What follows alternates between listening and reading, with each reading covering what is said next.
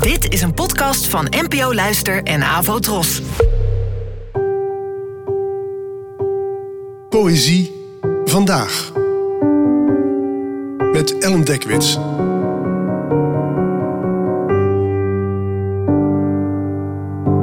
Hallo, fijn dat je luistert. Het gedicht van vandaag heet Een zalm in oktober en werd geschreven door de Welsh dichter Ted Hughes, geboren in 1930 en gestorven in 1998. Het werd vertaald door mij en het is een wat langer gedicht waar ik dit keer graag vooraf even nog iets over wil vertellen. Want je kan je misschien afvragen waarom ik voor deze januaridag een gedicht dat zich afspeelt in oktober heb uitgekozen, maar de zalm groeit vooral in de winter, in de zee, voor hij voor de voortplanting weer duizenden kilometers terugzwemt, terug naar het zoete water waarin hij ter wereld kwam. Dit gedicht gaat over wat er gebeurt na die groeispurt in januari en het vormt een ontroerend portret van een oude zalm terug in zijn geboortesvijver en laat je als lezer medelijden krijgen en bewondering voor het leven dat deze vissensoort in stilte leidt, voor zowel haar hoogte als haar dieptepunten. En nogmaals, het is een wat langer en prachtig gedicht, dus leun achterover en laat het over je heen komen. Een zalm in oktober. Hij ligt in gammelwater, ongeveer een meter diep, gammel beschermd, misschien slechts 60 centimeter onder de afwezige beschutting van een overhellende kleine eik, half onder een weerwar van bramen. Na zijn 2000 kilometers rust hij uit. Ademt de kolkjes van de kalme deining in zijn begrafenispoel. Ongeveer zes pond zwaar, hooguit vier jaar oud en amper één winter in zee, maar al reeds een veteraan. Al een met sterfte bestempelde held. Zo snel is het voorbij. Zo kort doolde hij rond in de wondergalerij. Zulke zoete maanden, zo rijk geborduurd in de gala jurk van de aarde, haar levenskleed.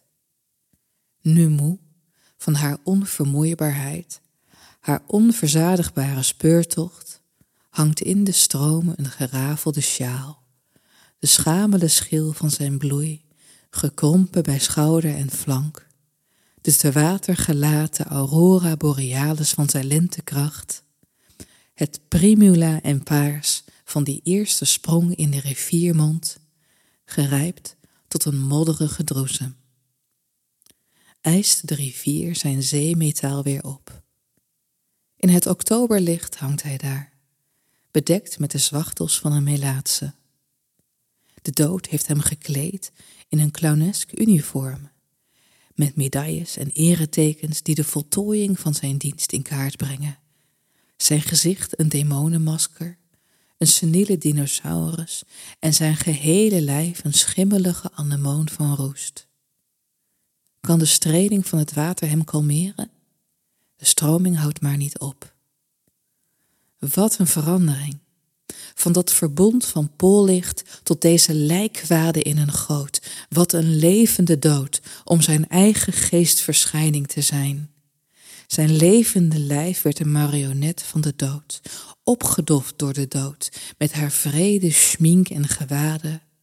Een parodie van zijn eigen gapende waakzaamheid en valt ten prooi aan de onderwerping en de verdoving en de vernedering van die rol.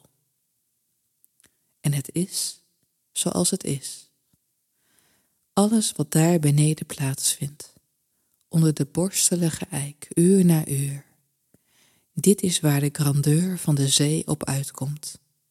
En het oog van verslindende vreugde, koning van oneindige vrijheid, in flitsende uitgestrektheid, de fine fleur van het zeeleven, op de golvenrit van uitgelatenheid, gewichtsloos, het lichaam slechts het ankerpunt voor energie in die vroegste zeevrijheid, de vrede verwondering van leven de zoute mond vol van echt bestaan, met kracht als licht. maar dit was altijd bij hem. Dit stond geschreven in zijn hom.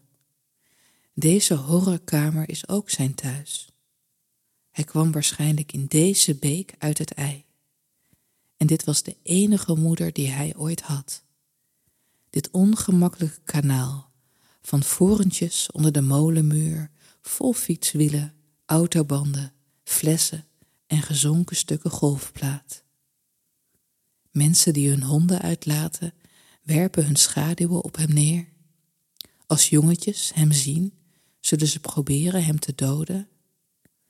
Dit alles staat ook geëtst in de gescheurde rijkdom, deze epische balans die hem zo stabiel verwond laat zijn, zo trouw aan zijn ondergang, zo geduldig onder al die kunstgrepen van de hemel. Bedankt voor het luisteren en tot de volgende keer. Abonneer je op deze podcast via de gratis app van NPO Luister. Daar vind je ook een handig overzicht van het complete podcastaanbod van de NPO. Afro Tros, de omroep voor ons.